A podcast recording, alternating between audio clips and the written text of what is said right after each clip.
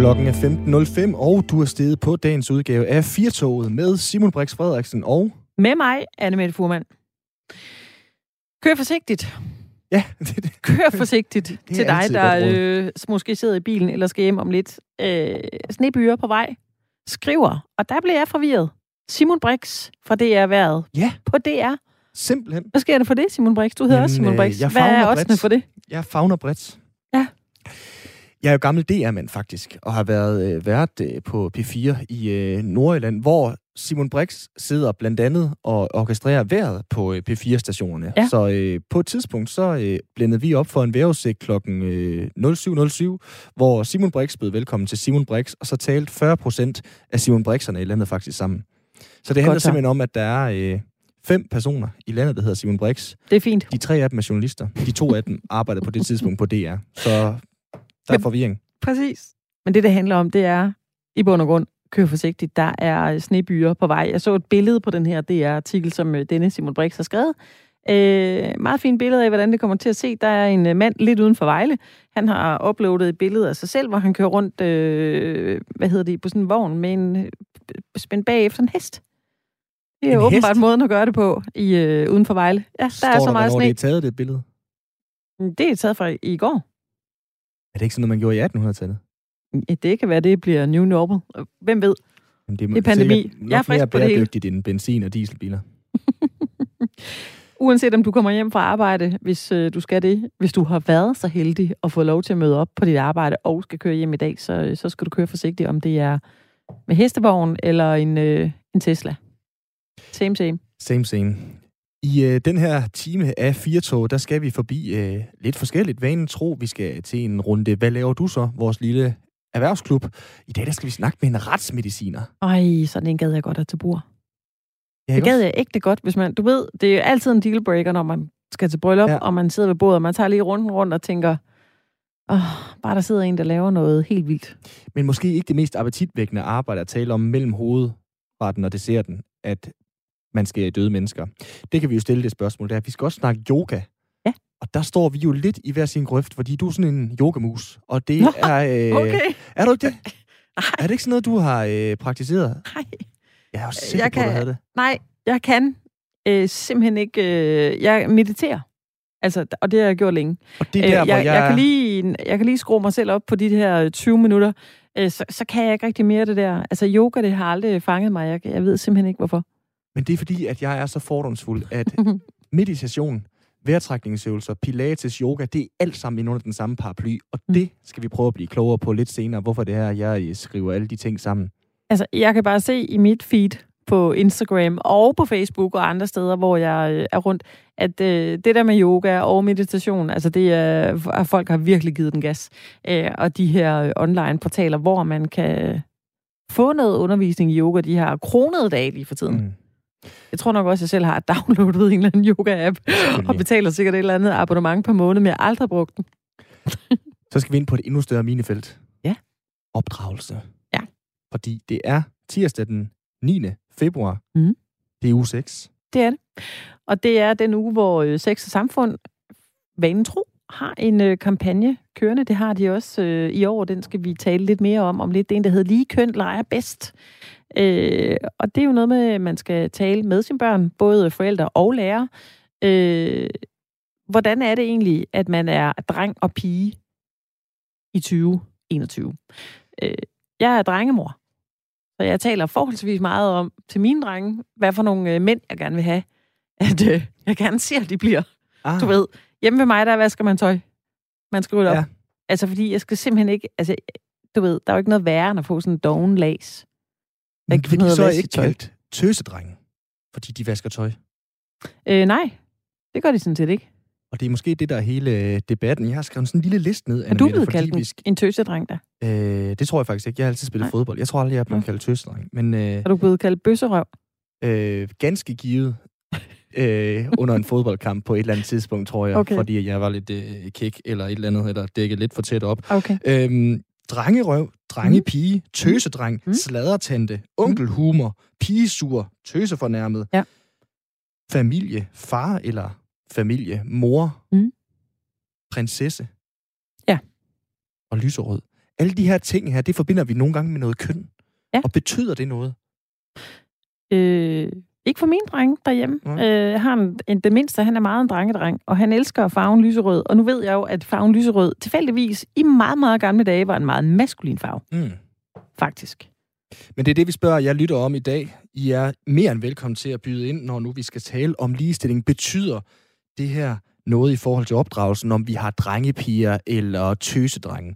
Er det øh, ved at tage overhånd, eller er det fuldstændig ligegyldigt, når vi øh, taler med vores unge mennesker? Jeg roser nogle gange øh, mine kammeraters børn, pigerne for at have en fin kjole på, mens øh, drengenes, øh, eller mine kammeraters drenge bliver rost for at være god til fodbold og stærk og sej og de der ting der. Alle de der ting der, det er jo noget, vi propper ind i kønnene. Betyder det noget? Send en sms til 1224 eller ring ind på 72 30 44 44. Og med det, Anne Mette, velkommen til 42.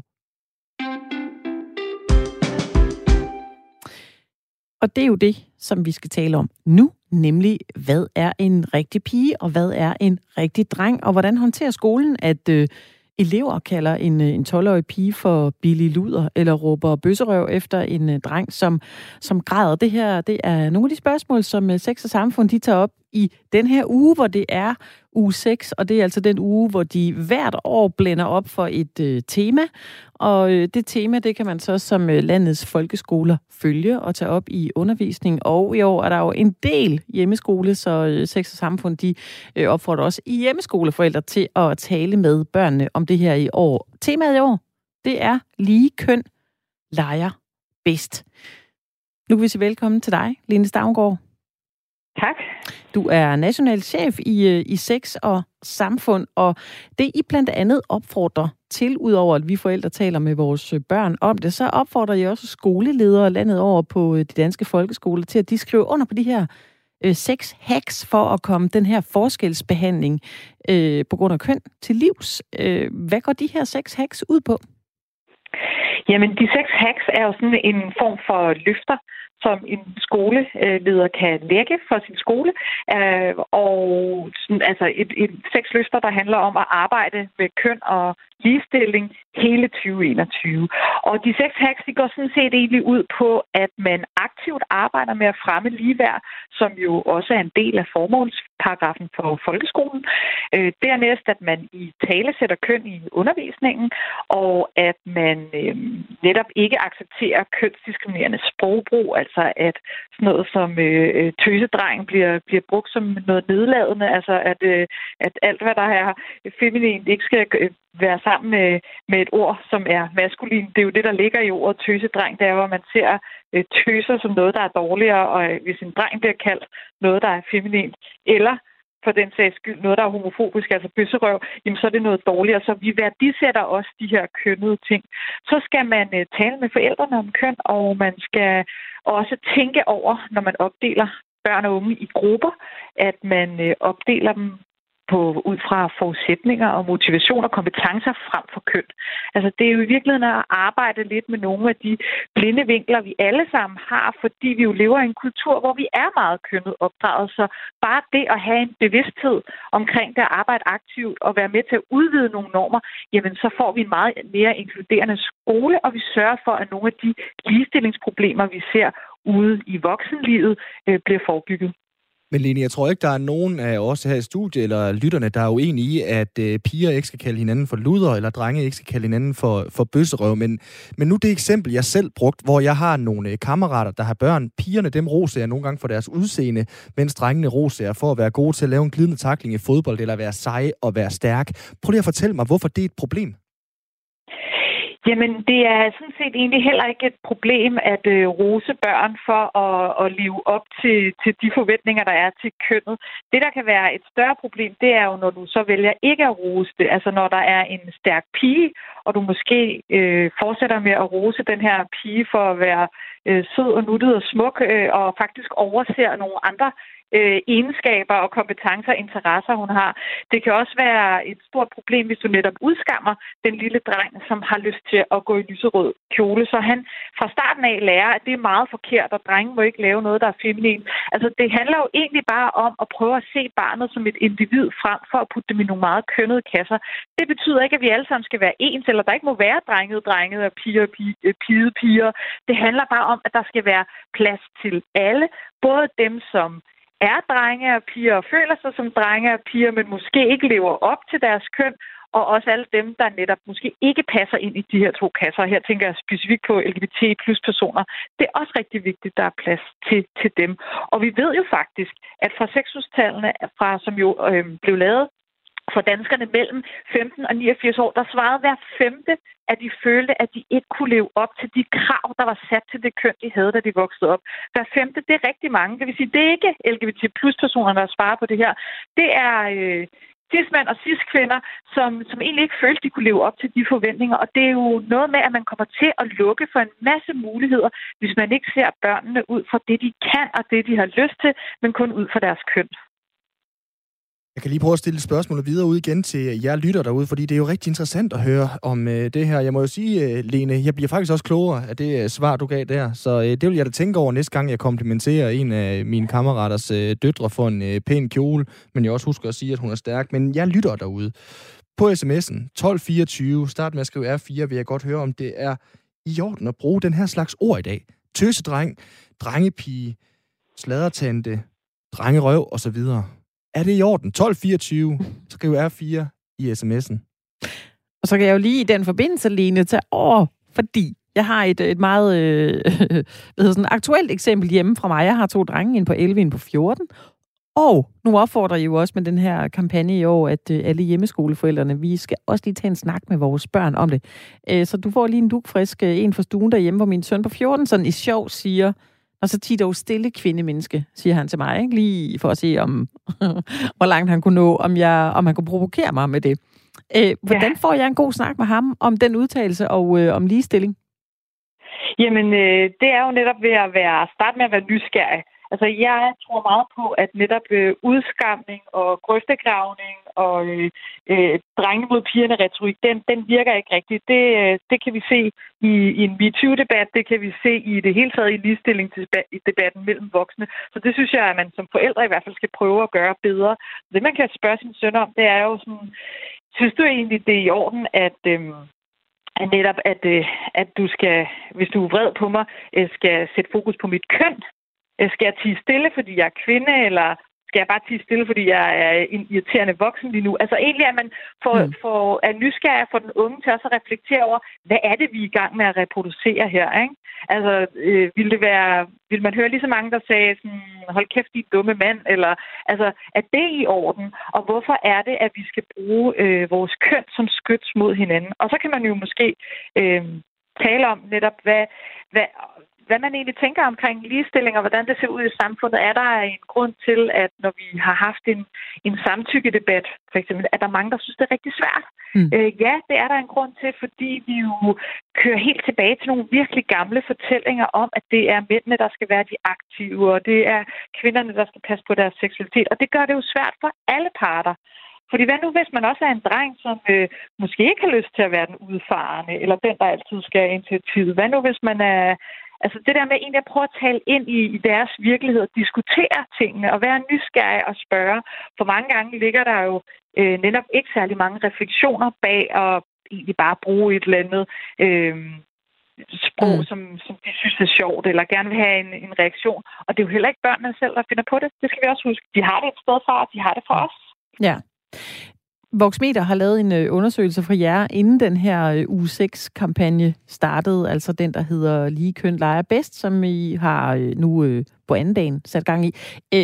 De undersøgte, hvad forældrene mener om ligestilling i børnehøjde, og den viser blandt andet, at to ud af tre adspurgte, altså 66,4 procent, i meget høj eller høj grad mener, at drenge og piger har de samme muligheder i livet anno 2020, da den her undersøgelse mm. blev lavet.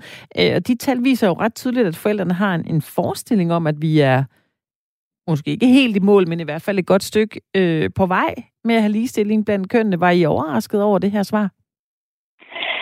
Nej, det var vi sådan set ikke, fordi det, det spejler også meget godt resten af samfundet, altså ikke bare sådan forældrerollen, men, men hvad vi ser, øh, når vi, når vi også hører debatter omkring øh, rettigheder og, og køn.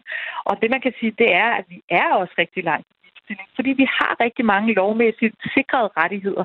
Problemet er bare, at rettigheder og muligheder er ikke det samme. Øh, vi ser stadig, at mænd er langt dårligere til at spørge om hjælp, når de, når de har det dårligt, når de har problemer. De har svært ved at gå til lægen, og det har jo noget at gøre med, at man fra en tidlig alder har fået at vide, at man skal være stærk, og man skal klare problemerne selv, og man må ikke græde og rejse op, og øjnene stor dreng og få ros for netop også at være, være stærk og, og klare ting selv. Og omvendt så ser vi også netop netop en, øh, en, en MeToo-debat, hvor at øh, man på den ene side forventer, at, at alle kvinder skal, skal sige, sige fra og være stærke, men alt, hvad de lærer, det er jo, at de skal være øh, søde og pæne og øh, lave den gode stemning, og du ved, det er også lidt deres egen skyld, hvis de øh, har været lidt for udfordrende klædt eller sådan. Og der er jo mange af de her forventninger, som netop øh, bliver forstørret i, i voksenlivet, og som gør det rigtig øh, svært at, øh, at tale om reel ligestilling. Men for at svare på dit spørgsmål, vi var ikke så overrasket over, men det vi var overrasket over, det var jo det paradoks, at så mange mener, at der er ligestilling og lige muligheder, og når vi så spørger, hvad de er bekymrede i forhold til deres børn, så er bekymringerne super kønnede. Når man er mor eller far til en en datter, som er bekymret for, at hun skal opleve øh, seksuelle krænkelser, være utilfreds med sin krop, og hvis man er øh, forældre til et øh, drengebarn, som er bange for, at han vokser op og bliver ensom eller ikke får en kæreste. Og det er jo sjovt, at der så er det paradoks, at de tænker, at der er ligestilling og lige muligheder, men bekymringerne er enormt kønnede. Mm.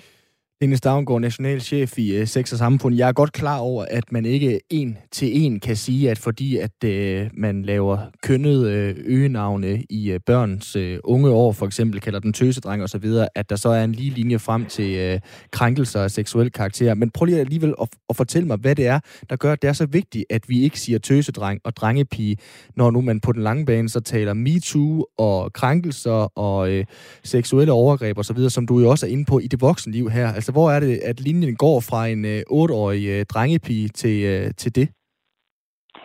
Jamen, linjen går jo på den måde, at vi jo øh, ved de her forventninger og ved at kønne børn øh, i høj grad, både ved at udskamme dem for at være for feminine. Det er jo det, der sker, når man kalder nogen for tøsedreng, ikke? at de ikke er modige, at de gør noget, mm. som piger ville gøre, og det er mindre værd. Øh, men den lige linje går jo så ved, at vi, vi jo i virkeligheden lærer dem at spille nogle roller øh, at gøre sit køn på en bestemt måde, frem for egentlig at have en god dialog og tale sammen og se os som individer, så tænker jeg også, at, øh, at vi vil se langt færre af de ligestillingsproblemer, vi har senere hen i livet. Mm.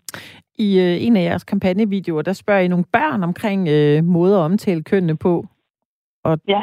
Det er lige for at gentage, hvad, hvad Simon også sagde det. De spørger nogle drenge, du ved, kan man sige, pigestreger, eller, eller hedder det bare stadigvæk drengestreger, og der er sådan en dreng, der siger, altså, jeg har en lyserød madpakke, øh, det, det må man vel godt. Øh, mm-hmm. og, og så spørger de øh, børn også, kan man sige, sladeronkel i stedet for sladertante, som vi jo øh, har sagt i rigtig mange år. Altså, er der noget fundamentalt, man skal ned og grave noget mere i, synes du? Jeg tror, at der i hvert fald er, er rigtig mange ting, som, øh, som vi bare skal reflektere noget mere om og være, være bevidste om. Fordi jeg tænker også, at de fleste, øh, og for ikke at sige alle forældre, de, de vil jo deres børn det bedste. Altså, det, det vil vi jo gerne, og derfor så, så er der jo også mange ting, som vi egentlig gerne vil, vil snakke med vores børn om, og reflektere over, og prøve at, at gøre vores bedste. Så det er egentlig bare for at sætte fokus på nogle af de her ting, som vi måske uden selv at tænke over det, egentlig bare reproducerer, fordi vi selv er opdraget sådan. Og det, der er rigtig interessant, hvis man ser hele videoen med de her børn, det er jo, at de små børn er faktisk langt mere åbne end de større børn. Så hvis man ser, øh, vi har jo både optaget sådan indskolingsbørn og mellemtrin, og dem, der er i udskoling. Lige så snart man hører de kommentarer, der så er op i udskoling, så er de allerede meget mere fastlåste i sådan, jamen sådan er det bare. Nej, det kan man ikke sige. Øh, og ja, ja, en, en score øh, kal, det er sådan en, øh, det er sejt, når drenge er sammen med mange. Og ja, øh, piger, de skal ikke være sammen med mange. De skal, de skal passe på deres, øh, øh, deres rygte og deres seksualitet. Og derfor er det jo lidt interessant faktisk at se, at de små børn er meget mere åbne, og så nu længere, at øh, de kommer i livet, jo flere gange har de fået gentaget de her forventninger, uskrevne regler, og sådan, at så bliver de lidt øh, ligesom resten af samfundet. Det er jo der, hvor man måske som forældre kan være med til at tage et bevidst valg. Lene, du får lige et par sms'er mere, inden du får det uh, sidste spørgsmål. Vi har blandt andet fået en fra uh, Pernille, som skriver, hun var og er en drengepige. Alle mennesker, de er forskellige, og gudinden være lovet for det. Hun fik en barbeduk, da hun var lille. Barbiedukken omkom desværre hurtigt under en kamp med He-Man. Pernille gik til skydning, og i dag så kan hun kæmpe med et svær. Hun mener, at hun, man skal lade mennesker være, hvad de elsker at være. Og så har vi fået en anden sms også. Sikke noget sludder. Jeg er efterhånden træt af at høre, at vi er så langt fra ligestilling. Kvinder er kvinder, og mænd er mænd. Piger er piger, drenge er drenge. Og spørgsmålet at slutte af på i den forbindelse, Lene, det er, er der ikke en risiko for, at den her udvikling, den tager overhånd, at vi bliver så bange for at rose en dreng for at være stærk, god til fodbold, god til at lege med actionfigurer, at vi simpelthen helt glemmer kønnene og glemmer at komplimentere dem for den måde, de er på grundlæggende? Jamen, der mener jeg jo, det er jo der, hvor vi er nu. At vi glemmer at komplementere børnene for det, hvordan de er grundlæggende, fordi vi kommer til at se deres køn før vi ser dem. Og det er jo sjovere med de to sms'er her, det er jo netop lige præcis modsat af hinanden. Den ene siger, nej, nej, du ved, mænd er mænd, og kvinder er kvinder, mens den anden siger, nej, prøv at høre, jeg var faktisk en, der ikke levede op til forventningerne, og det er jeg rigtig glad for, at jeg fik lov til, fordi det er det, jeg gerne har ville i mit liv. Og igen, det handler ikke om, at vi alle sammen skal være ens. Det handler ikke om, at man ikke godt må øh, rose en dreng for at være stærk. Selvfølgelig skal man det. Man skal bare passe på, at man ikke overser, at øh, han også har brug for en hånd, og han også gerne må græde, og han, han gerne må øh, øh, gå til ridning, hvis det er det, han har lyst til. Eller lade være med at... Øh, og alene rose pigen for at være sød og stille og sidde pænt, at man også øh, siger, ej, hvor er det også sjovt, at du kan være vild, eller nå, du vil gerne gå til karate, fedt, det skal vi jo da også have nogle piger til at gøre. Altså, det handler jo i virkeligheden om, at, øh, at man bare skal, man skal se hinanden, som øh, man er i de forudsætninger og interesser og kompetencer, og netop ikke bare basere det på køn. Mm. Tak for din tid, Lene Stavngård, og øh, prøv på med øh, kampagnen Lige Køn leger bedst. Det var så lidt. Tak. Lene Stavngård, der er national chef i Sex og Samfund, som øh, står bag den her kampagne. Er det ok at bruge den her slags ord? Vi bliver ved med at bruge eksemplet tøsedreng og øh, drengepige, men der er jo også en masse andre. Er det ok at bruge den slags ord i opdragelsen en dag? Send en sms til 1224. Husk at skrive R4. Har du lyst til at ringe, så kan du også det. 72 30 44 44. Er du så sådan en uh, rigtig yoga-dude, Simon? En yoga-dude? Ja. Findes de? Det ved jeg ikke. Nej, det, jeg er ikke. Nej. Jeg er, øh, nu har jeg sagt øh, fodboldfyr flere gange i øh, radioen. Jeg så du er medlem jeg, af det stive bens klub? Jeg er simpelthen medlem af det stive bens klub. Jeg, jeg kan ikke nå min tæer. Det kan Nej. jeg faktisk ikke. Okay. Så skal du øh, lytte efter nu. Jeg Fordi vi skal snakke om yoga. Der er en, øh, en ny bog på gaden, den hedder Bliv stærk og slank med yoga. Gør din krop smidig og øh, fleksibel og yoga mod stress. Øh, det er jo sådan øh, mange af de overskrifter, vi forbinder med yoga. Du ved, den her Østens øh, vidundertræning, der kan kurere åbenbart alt det bøvl, vi, øh, eller alt det, vi bøvler med her i, i Vesten. Men det er slet ikke meningen at bruge yoga på den måde. Det er noget nyt for mig.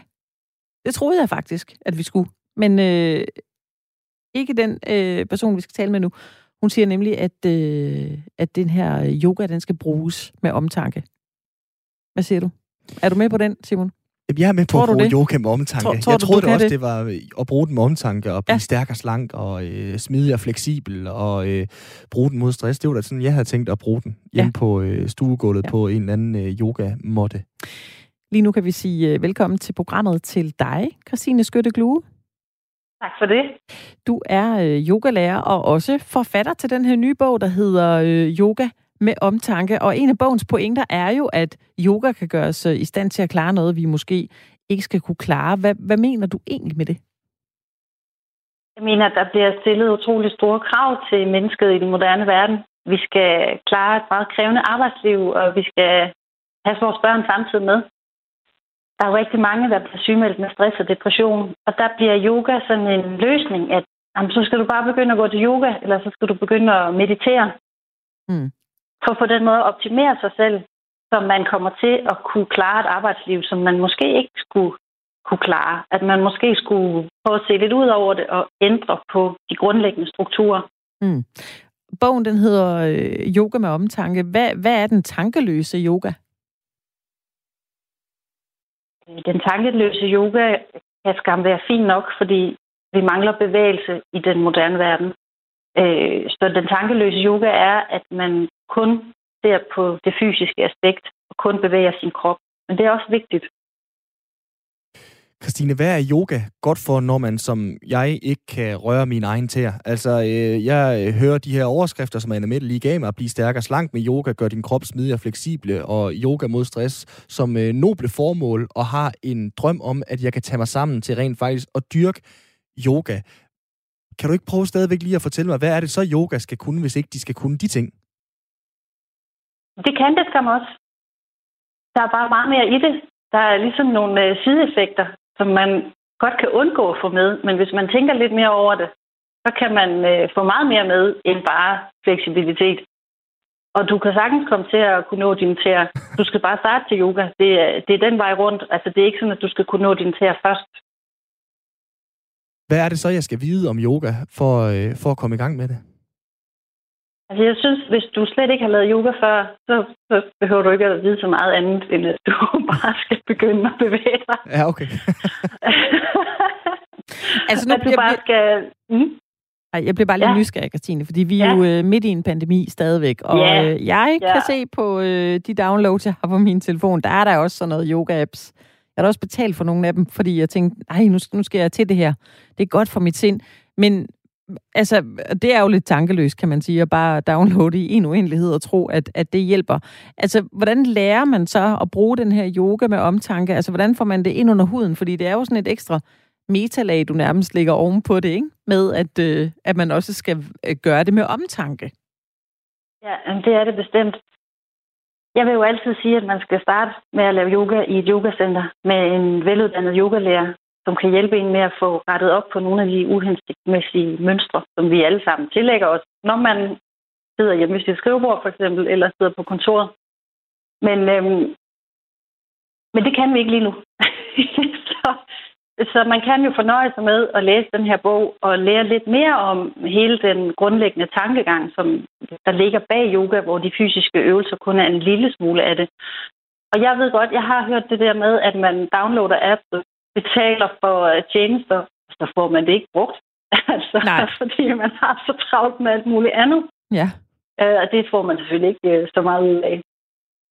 Så hvis vi skal væk, øh, Christine, fra de her øh, app quick fixes og øh, bruge yogaen bare lige øh, i en hurtig øh, vending, hvad kan vi så gøre lige nu her i studiet, og de øh, lyttere, der ikke kører bil, men bare sidder og lytter med derude, hvad kan vi gøre for at komme i gang med det samme? Det handler jo om at at være lidt mere bevidst til stede i det, man gør.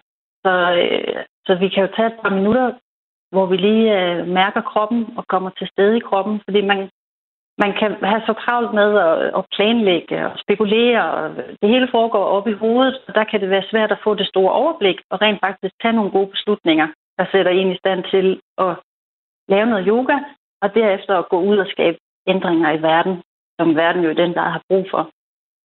Så, øh, så vi kunne lige øh, centrere kroppen og opmærksomhed et kort øjeblik, hvis I har lyst til det. Det er jeg super klar på.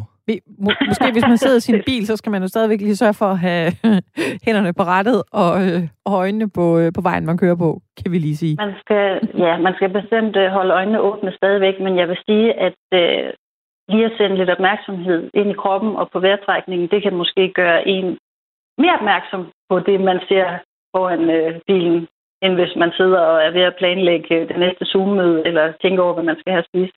Det er jeg spændt på det her, øh, Christine. Jeg glæder mig til, at vi går i gang med det nu, for jeg synes jeg trækker vejret hele tiden. ja. Jamen, så vil jeg jo øh, bede jer om at sætte jer ned. Det ved jeg ikke, om I gør. Jo, jeg sidder ned. Jeg sætter mig Hvad skal ned vi så? og så skal I mærke, at jeg sidder på gulvet. Ja. Og så mærker I, at I sidder på stolen, og så lukker I øjnene. Og hvis man kører bil, så lukker man ikke øjnene. Nej. Men, øh, men alle kan lige lukke øjnene her. Så når du sidder her med lukkede øjne, så prøv at mærke fødderne mod underlaget. Send opmærksomheden ned i dine fødder. Det er ikke sikkert, du har tænkt over, at du har fødder i løbet af i dag. Så lige mærk, hvordan det føles i de her fødder som er super nyttige, må man sige. Og så mærk dine ankler. Mærk dine knæ. Mærk, hvordan knæene føles, når du sidder her. Og mærk så dit bækken og dine hofter. Mærk din vægt mod stolen. Mærk, om det føles behageligt at sidde på stolen, eller om, om det er lidt hårdt. Eller om du sidder og spænder og prøver at slippe. Bare prøv at give efter. Mærk, at stolen bærer dig. Så mærker du din rygsøjle. Mærker, at rygsøjlen løfter sig op mod loftet, så du forlænger en lille smule op over lænden, op mellem skulderbladene, op i nakken. Du føler, at du lige sidder lidt mere ret, med en lille smule muskelaktivitet, og lige mærker, at det rent faktisk er muligt at forlænge lidt. Giver du efter i skuldrene, Giver efter i ansigtet, og vender opmærksomheden mod din vejrtrækning. Du mærker, at du trækker vejret ind gennem næsen, og puster ud gennem næsen. Mærk, at brystkassen bevæger sig, når du trækker vejret. Løfter sig lidt. Og synker igen. Mærk bevægelse helt ned i maven. Maven går lidt ud på indåndingen.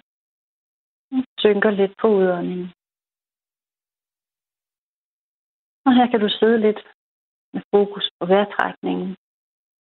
Og hver gang tankerne stikker af, så vender du tilbage til vejrtrækningen. Og så samler du opmærksomheden i brystet foran hjertet. Måske du kan mærke dit hjerte slå. Så trækker du vejret dybt ind. Og bøjer hovedet. Åbn øjnene. Og løft hovedet igen. Hvordan har du det, Simon, nu du åbnede øjnene? Jeg åbnede øjnene før dig. Var det rart? Det var, det var faktisk en voldsom oplevelse. Ja. Det har jeg aldrig prøvet, det her. Det, det har jeg virkelig ikke. Ej. Og det lyder som sådan noget hokus pokus pis derude måske. Men det, det var faktisk ret voldsomt, det her. Ja. Undskyld, jeg siger det, Christine. Jeg var ved at flække af grin, da du sagde, at jeg skulle mærke mine fødder. Øhm, fordi det har jeg jo ikke gjort i øh, de 29 år, jeg har levet, synes jeg, medmindre jeg har frækket rundt i en fodboldkamp. Så der tænker jeg lige, hvad, hvad er det nu, hun går i gang med? Men det var jo vanvittigt, det der med at følge helt sådan slavisk, hvordan min vejrtrækning, den bevægede sig.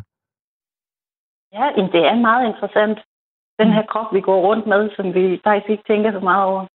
Det tog jo i virkeligheden ikke særlig lang tid, Christine, og øh, lige komme ned i gear, og lige blive centreret, og, øh, og øh, en reaktion fra Simon, der hedder, det har jeg simpelthen aldrig nogensinde prøvet. Det er jo rimelig vildt, fordi nu talte jeg, det var omkring to minutter.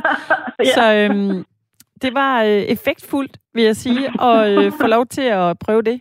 Jeg håber, at dem, der har øh, lige har leget med derhjemme i stuerne, der også sidder midt i en pandemi og hjemmeskole og lockdown, at øh, de Ja. lige var med på den her, fordi så øh, kan man måske... Er du mere rolig, Simon?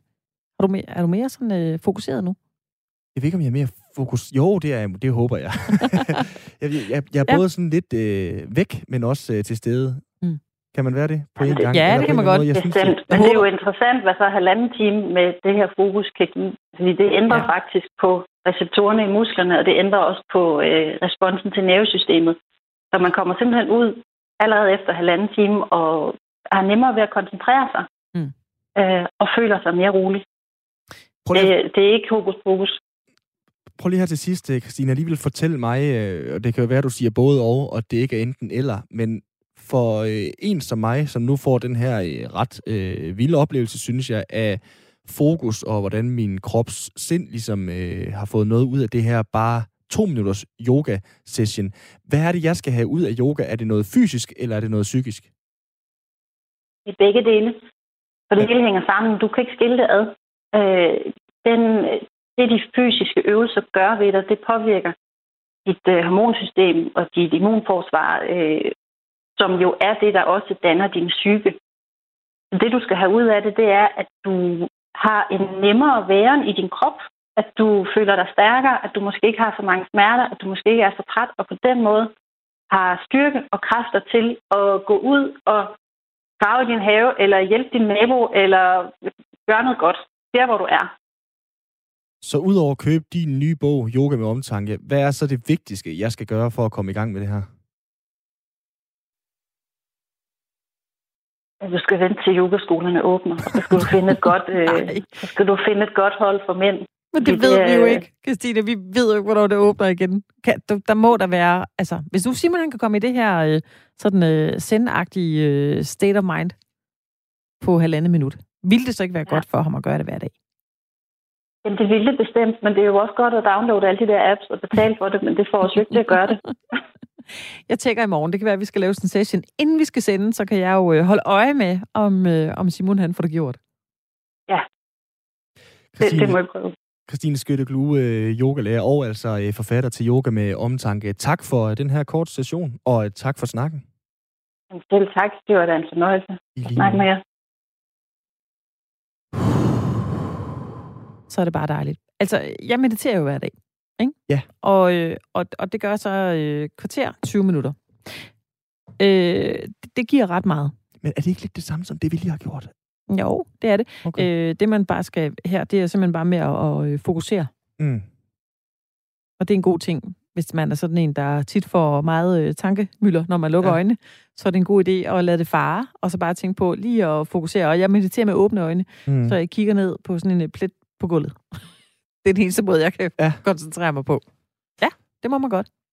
Det er hermed givet videre. Jeg giver også lige vores uh, telefonnummer videre. Det er 72 30 44 44 sms'en er 1424 1424, skriver du R4 sms'en, og i dag der har vi spurgt dig, om det er ok at bruge de her kønnede ord, altså pigesur, tøsefornærmet, prinsesse, sladertante, onkel, humor, tøsedreng, drengepige, drengerøv og så videre.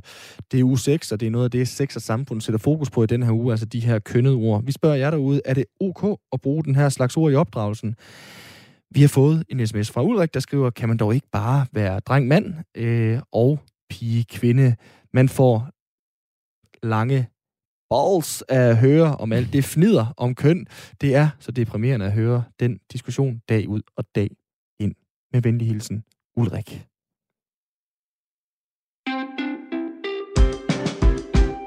Så sætter vi os til bords igen, Anna Mette. Ja. Firtogs lille erhvervsklub, den ruller, og vi stiller os det her spørgsmål, som du kender og elsker eller hader fra de her familiefrokoster med en svigerfamilie.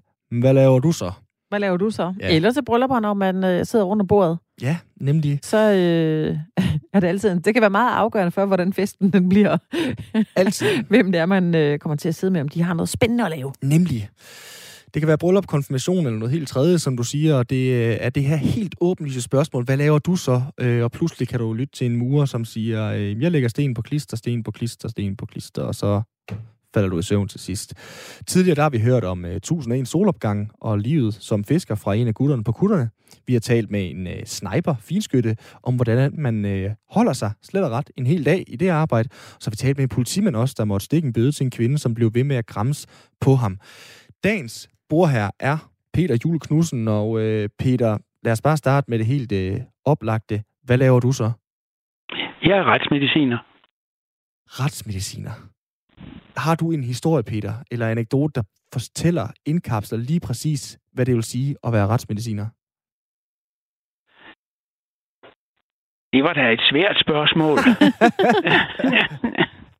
ja, den er også... Den, okay, lad os så starte et andet sted. Hvilken fordom møder du oftest i dit job som retsmediciner? Øh, når jeg siger, at jeg er retsmediciner, så er der, kan der være to reaktioner. Den ene, det er, nej, det lyder spændende. Og så tænker man på alle de der smarte eller mindre smarte retsmediciner, de har set i fjernsynet. Eller den andet, det må da være forfærdeligt at stå med alle de der døde mennesker. Mm, det var nok øh, måske mig, hvis vi to var til bryllup, og du og min bror her, Peter. Så, så tror jeg, jeg ville øh, både med lige dele fascination og nysgerrighed også spørge dig så, altså, hvordan er det at, at have med så mange døde mennesker at gøre øh, i sit arbejde? Ja, først så skal Fordi jeg jo så skærer aflive... jo i dem. Ja, jo, men først skal jeg lige aflive den første fordom, at retsmediciner kun har med døde mennesker at gøre. Hvis vi ser på vores antal af sager på de tre retsmedicinske institutter i Danmark, så ser vi på flere levende end døde. Og det er den første overraskelse, som min borddame får. Fordi de sidste 20 år, der har retsmedicinerne, det overtog vi fra embedslægerne, undersøgt øh, voldsoffre, voldtægtsoffre og gerningsmænd, øh, børn, der har været udsat for overgreb. Og vi har faktisk flere sager med levende end døde. Så det var den første fordom. Og den næste, det er så den der med, at ja, naturligvis undersøger vi også døde. Det er jo en væsentlig del af vores arbejde. Men det er ikke den eneste. Og derfor så øh, kan det det faktum, at vi faktisk taler med levende mennesker, det kan fjerne lidt af det der monster-image, som mange har om retsmediciner, der står der med døde mennesker. Vi skal kunne tale med levende mennesker, som har været udsat for meget ubehagelige ting. Så derfor så, så det er et meget varierende job. Mm. Nu, øh, og, og jeg vil jo være øh, så øh, fordomsfuld eller uvidende omkring dit job, øh, Peter, at jeg, jeg vil blive overrasket, hvilket også er lige nu over det, du siger med, at I faktisk arbejder mest med, med levende mennesker. Men hvil, hvilken funktion har du så, øh, når du møder levende mennesker? Hvad, hvad kunne det være? Ja, nu er jeg så gammel, på mange måder, så det er ikke mig, der undersøger de levende mere. Det er, det er vores yngre læger, der undersøger de levende ved det, der hedder personundersøgelser. Mm. Men jeg har jo, da jeg var yngre, foretaget rigtig mange undersøgelser mm. af levende mennesker, og det er stadigvæk mig og, og min chef, øh, professoren her ved instituttet, som skal supervisere alle erklæringer og se på de billeder, som de yngre læger har taget ved undersøgelsen. Så jeg er øh, engageret i det, og det er faktisk også mig, der er instituttets repræsentant ved dels de to center for voldtægtsoffre her i vores region, og dels ved, øh, ved undersøgelserne af overgreb på børn. Så jeg er i det, men øh, det er ikke mig, der laver dem nu, mm. om man så må sige.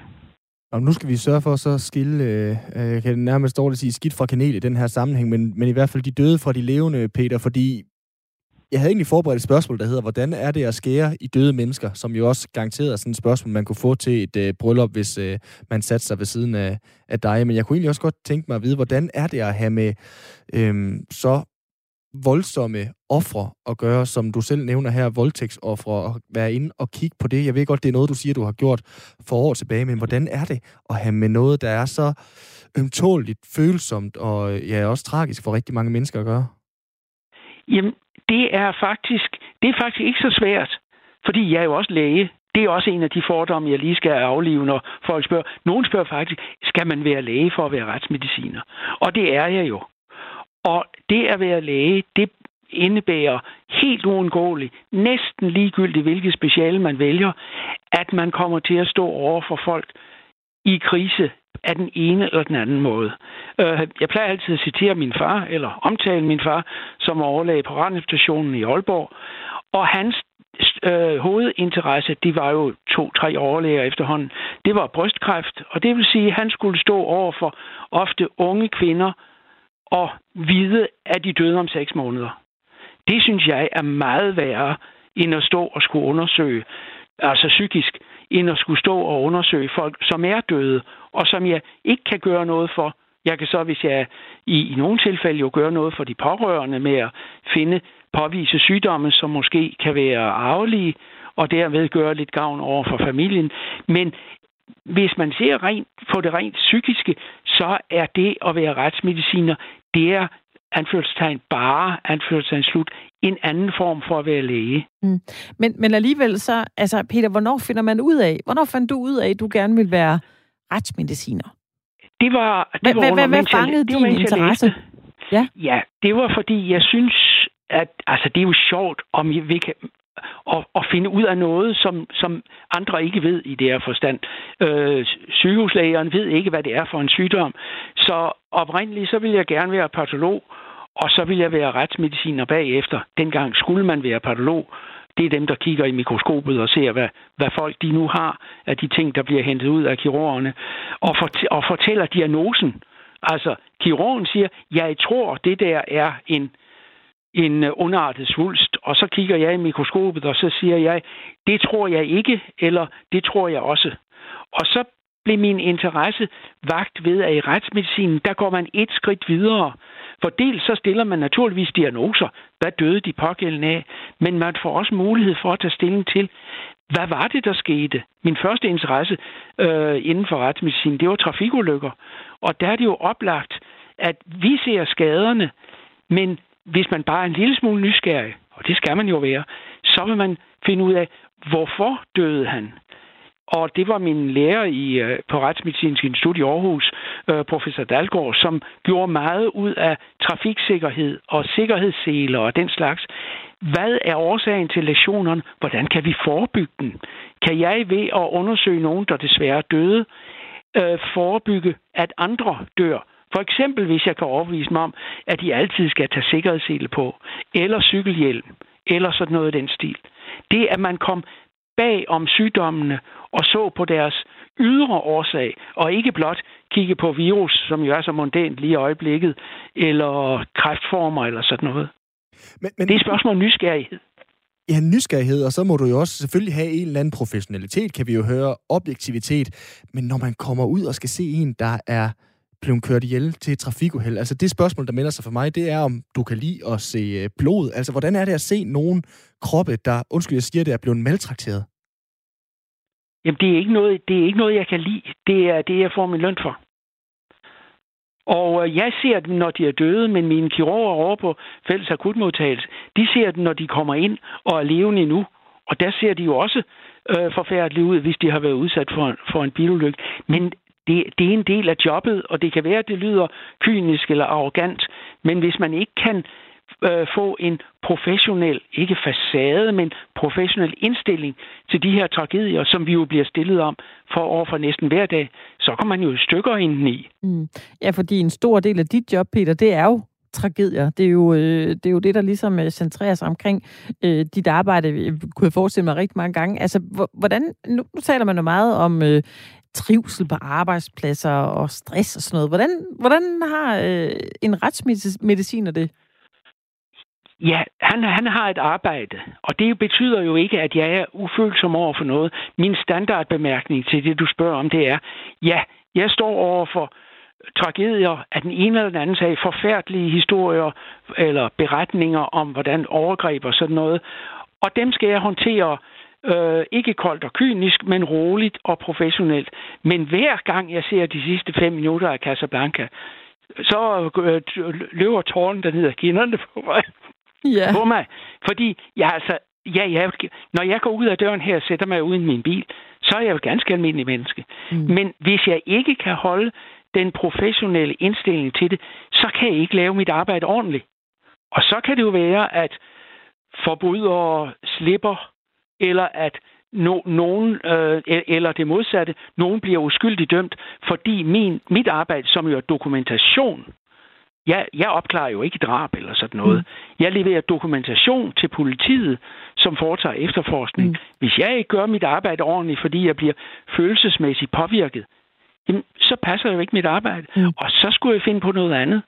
Men, der er men... mange spændende specialer i medicinen, siger mine to søskende, som er læger i helt andre specialer.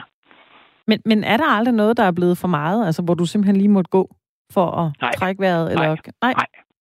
Det er aldrig noget, der er blevet for meget, men der er ting, jeg husker. Mm. Hvad husker du? Jeg husker et drab på Grønland, hvor øh, de sociale myndigheder endte med at få besøg af rejseholdet. Ikke på grund af den unge pige, som havde slået sit barn ihjel, og det er en sag, som er, som er kendt inden for, for branchen, det er 15 år siden eller sådan noget, hvor, de, hvor forholdene var så øh, uacceptable, eller hvad vi nu skal sige, at man sendte rejseholdet op for at undersøge socialforvaltningen i den by. Ikke det drab, pigen, der havde øh, slået sit barn ihjel. Det blev ikke undersøgt. Der foretog jeg jo obduktion, og det var ikke det, der var problemet. Men at man sendte det fine, blankpolerede rejsehold hernede fra, for at finde ud af, hvorfor socialforvaltningen ikke havde gjort deres arbejde. Det er en af de sager, jeg husker. Jeg stod jo med det dræbte barn. Ja, den skulle jeg lige synke. Øh, hold da kæft. Øhm, Peter, når nu man kommer ud til sådan noget der, har du en øh, kuffert med, hvor du har de forskellige øh, knive og øh, sakse og så videre, og så kan du bare gå i gang, eller hvordan gør du første gang, du kommer ud til en, der lige er blevet øh, kørt midt over? Ja, det er, øh, det, der er forskellige scenarier, hvis vi skal kalde det det. Øh, hvis, hvis der er, øh, øh, vi bliver kaldt ud som retsmedicinere til drab, oplagte drab eller mistænkelige dødsfald. Og naturligvis, det er kun mens øh, offeret stadigvæk er på stedet, fordi hvis offeret er kørt til sygehuset for at se, om de kan redde den, så tager vi jo ikke ud. Men det, jeg kommer ud til, naturligvis har jeg min kuffert med de ting, jeg skal bruge, og der bliver jeg så bedt om af politiet om at fastslå dødsårsagen om muligt, dødsmåden om muligt og dødstidspunktet. Det er, hvad jeg bliver bedt om ude på gerningsstedet. Og øh, det, jeg har ikke helt så smarte svar, som I ser i fjernsynet. Det er, det, det er lidt mere... Øh, øh, hvad siger vi, lidt mere indviklet end bare at stå og slynge diagnoser og dødsårsager ud, for slet ikke at snakke om, hvem der har gjort det. Så jeg foretager de undersøgelser, jeg kan på stedet, og der er naturligvis grænser for, hvor langt jeg kan gå, fordi omstændighederne er jo forskellige. Jeg har undersøgt en, der var dræbt, og som lå inde i en brugskabine. Der er grænser for, hvor meget jeg kan lave der. Men så bliver afdøde jo kørt til instituttet, altså et af de tre institutter, vi har, og så foretager vi den den rigtige obduktion sammen med kriminalteknikere og politiets efterforskere. Så det er den måde, det foregår. Hvis derimod, nu nævnte jeg Grønland, fordi de tre institutter, de deles om at tage til Grønland efter et vagtskema. Og der har jeg en kuffert, hvor jeg har alt hvad der er nødvendigt.